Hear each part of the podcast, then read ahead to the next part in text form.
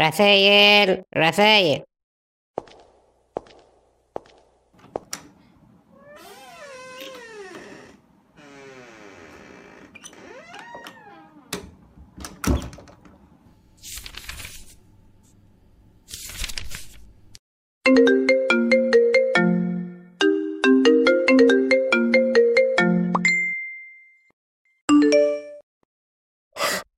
لما نشوف رسالة النهاردة.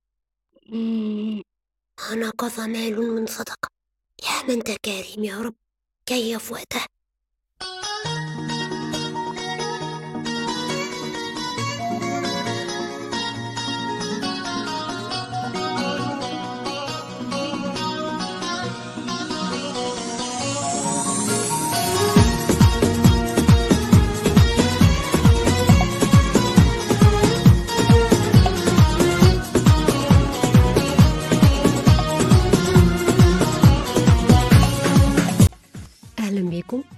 حلقة جديدة من بودكاست رسائل ربانية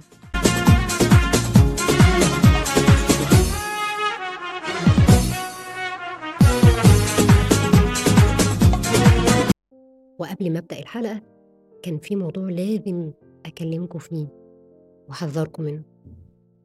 اوعوا اوعوا اوعوا كمان مرة تصدقوا حد يقول لكم إن مفيش حاجة اسمها إرشاد إلهي ولا رسائل ربانية حتى لو كان من رجال الدين نفسه.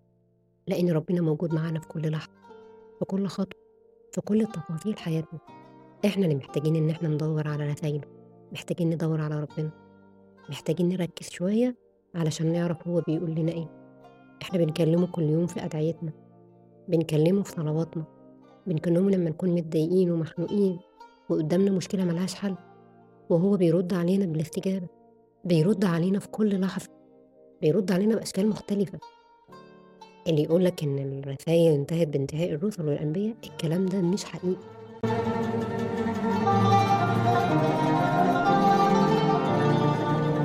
ربنا بيوحلنا كل يوم وبيكلمنا كل يوم وبيراسلنا كل يوم.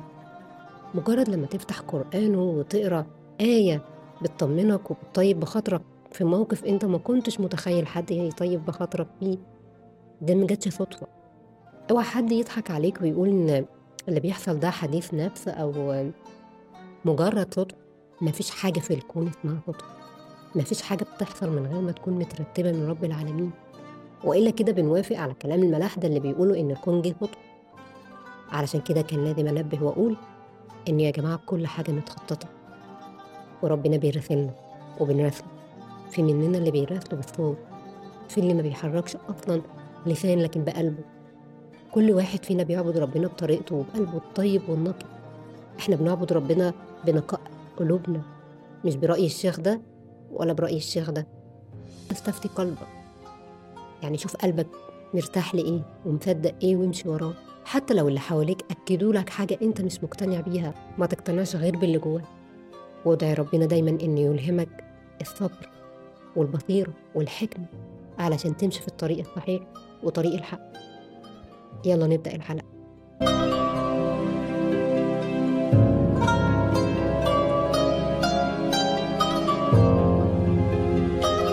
مجموعة من الناس راحت لنبينا الكريم عليه أفضل الصلوات وأتم التسليم علشان يشكوا له ضيق حالهم بسبب تفشي الجوع والجفاف.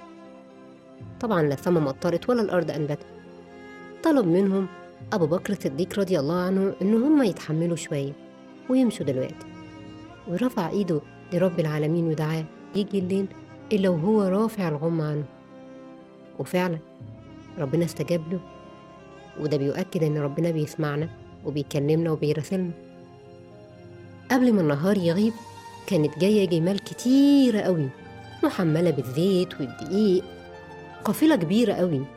جت ووقفت قدام باب سيدنا عثمان بن عفان ولما سألهم عن مرادهم قالوا له إن النساء في احتياج للمؤونة دي. ودخلوا بقى مع بعض في مناقشة. هم كل ما بيعلوا في سعر سيدنا عثمان يقول لهم في حد تاني زود عليهم كل ما يقولوا له سعر يقول لهم نفس العبارة. التجار اتعجبوا جدا. مفيش حد في المدينة غيرهم. مفيش تجار غيرهم. مين ده اللي بيزود عليهم؟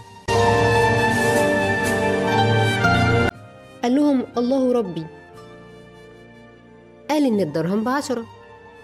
لما قال إن الحسنة بعشرة أمثالها وسألهم عندكم زيادة؟ قالوا له لأ. وبكده سيدنا عثمان رضي الله عنه أشهد ربنا عز وجل إن القافلة دي لمساكين وفقراء المسلمين ووزع بضاعته كلها لحد ما كل واحد خد اللي كفاه. ودي كانت الرسالة.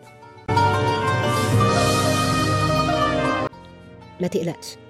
ما تقلقش على مرتبك يقل ولا مكافئتك تضيع. ما تخافش تشحت ولا تتنفي.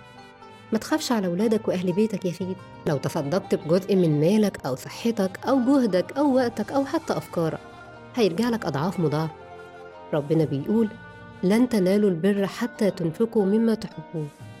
تأكد إن أي نعمة بتملكها عليها صدقة. صدقة امتنان وشكر لله. ووالله ما هيقل مخزون. ولو قل فخزائن رب العالمين لا بتنتهي ولا بتنفي اتصدق باللي عندك. وما تقولش ما عندكش حاجة. اتصدق لو بكلمة تجبر بيها الخواطر. ابتسامة تصفي بيها القلوب الحزينة. النظرة اللي بتشفي بيها الروح.